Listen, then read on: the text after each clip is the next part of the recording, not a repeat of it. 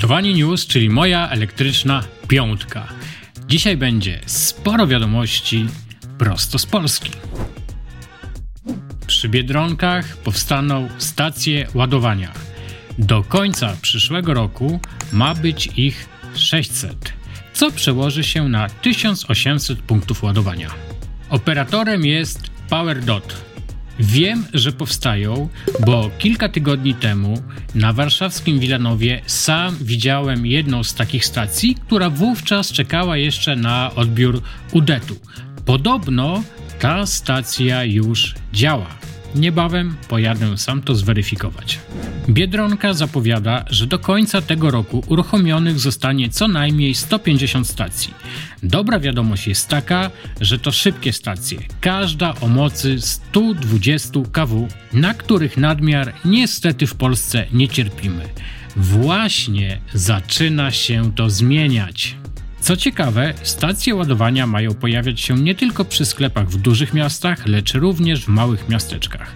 Być może to właśnie Biedronka wyeliminuje czarne plamy na mapie stacji ładowania w Polsce.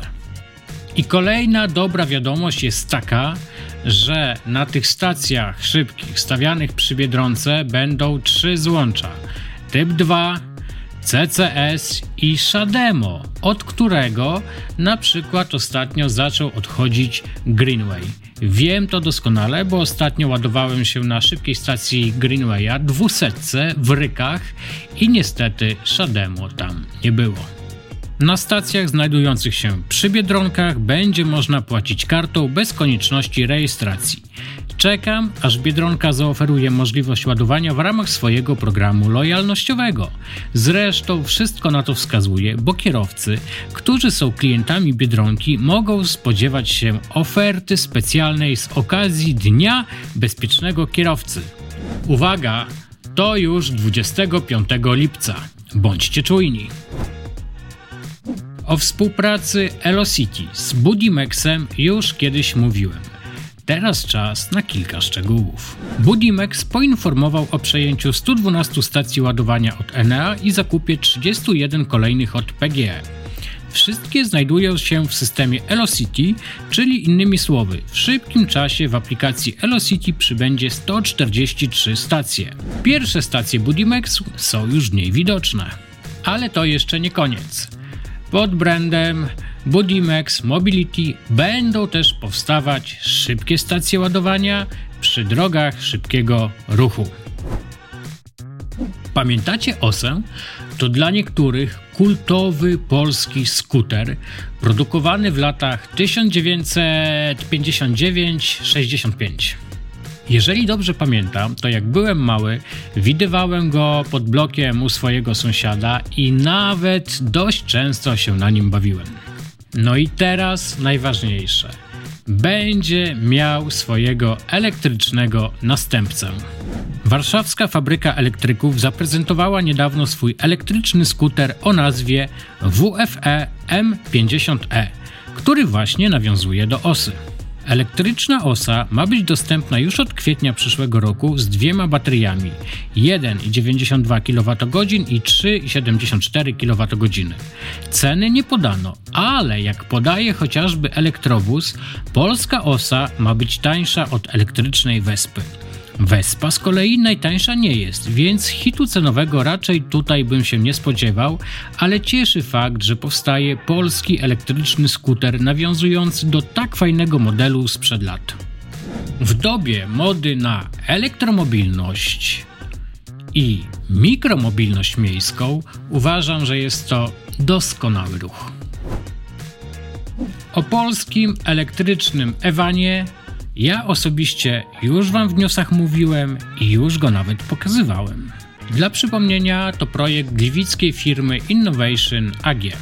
Dzisiaj chciałbym, żebyście dla odmiany posłuchali, co o tym aucie mówi mój kolega Tomek Drzał właśnie z Innovation AG. Ewan przede wszystkim jest e, pierwszym prawdziwie polskim samochodem elektrycznym.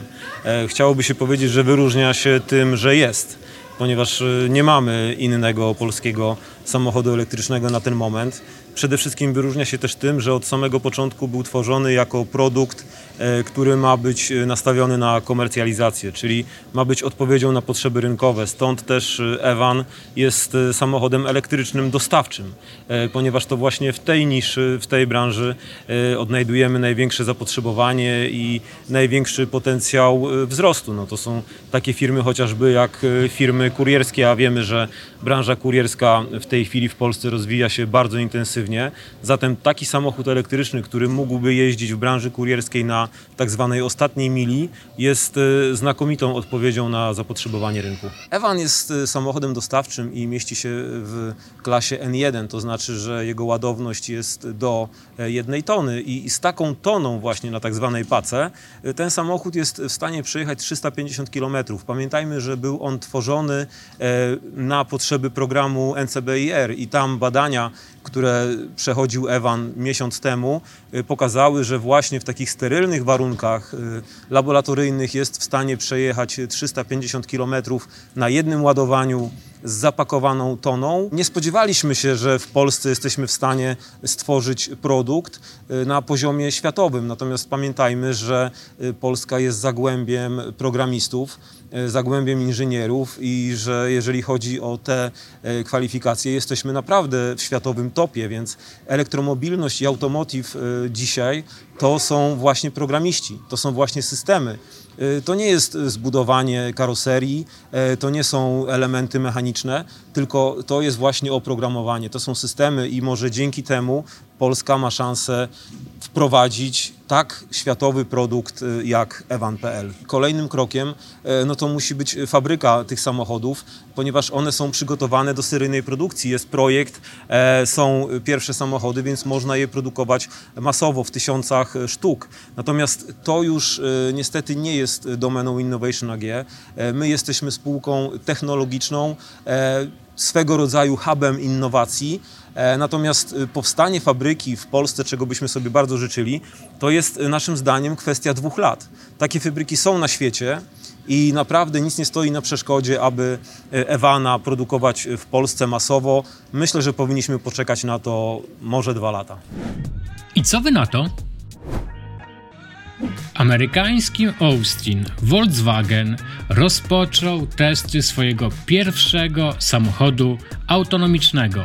Zgadnijcie o jakim modelu mowa. To ID Bus. Firma rozpoczyna swój program testów partią 10 w pełni elektrycznych ID Bus. Będą one wyposażone w platformę technologiczną do jazdy autonomicznej opracowaną przez grupę Volkswagen we współpracy z Mobileye. Volkswagen planuje rozwijać swoją flotę testową nie tylko w Austin, a mówi się o kolejnych czterech amerykańskich miastach. To jednak dopiero w perspektywie trzech lat.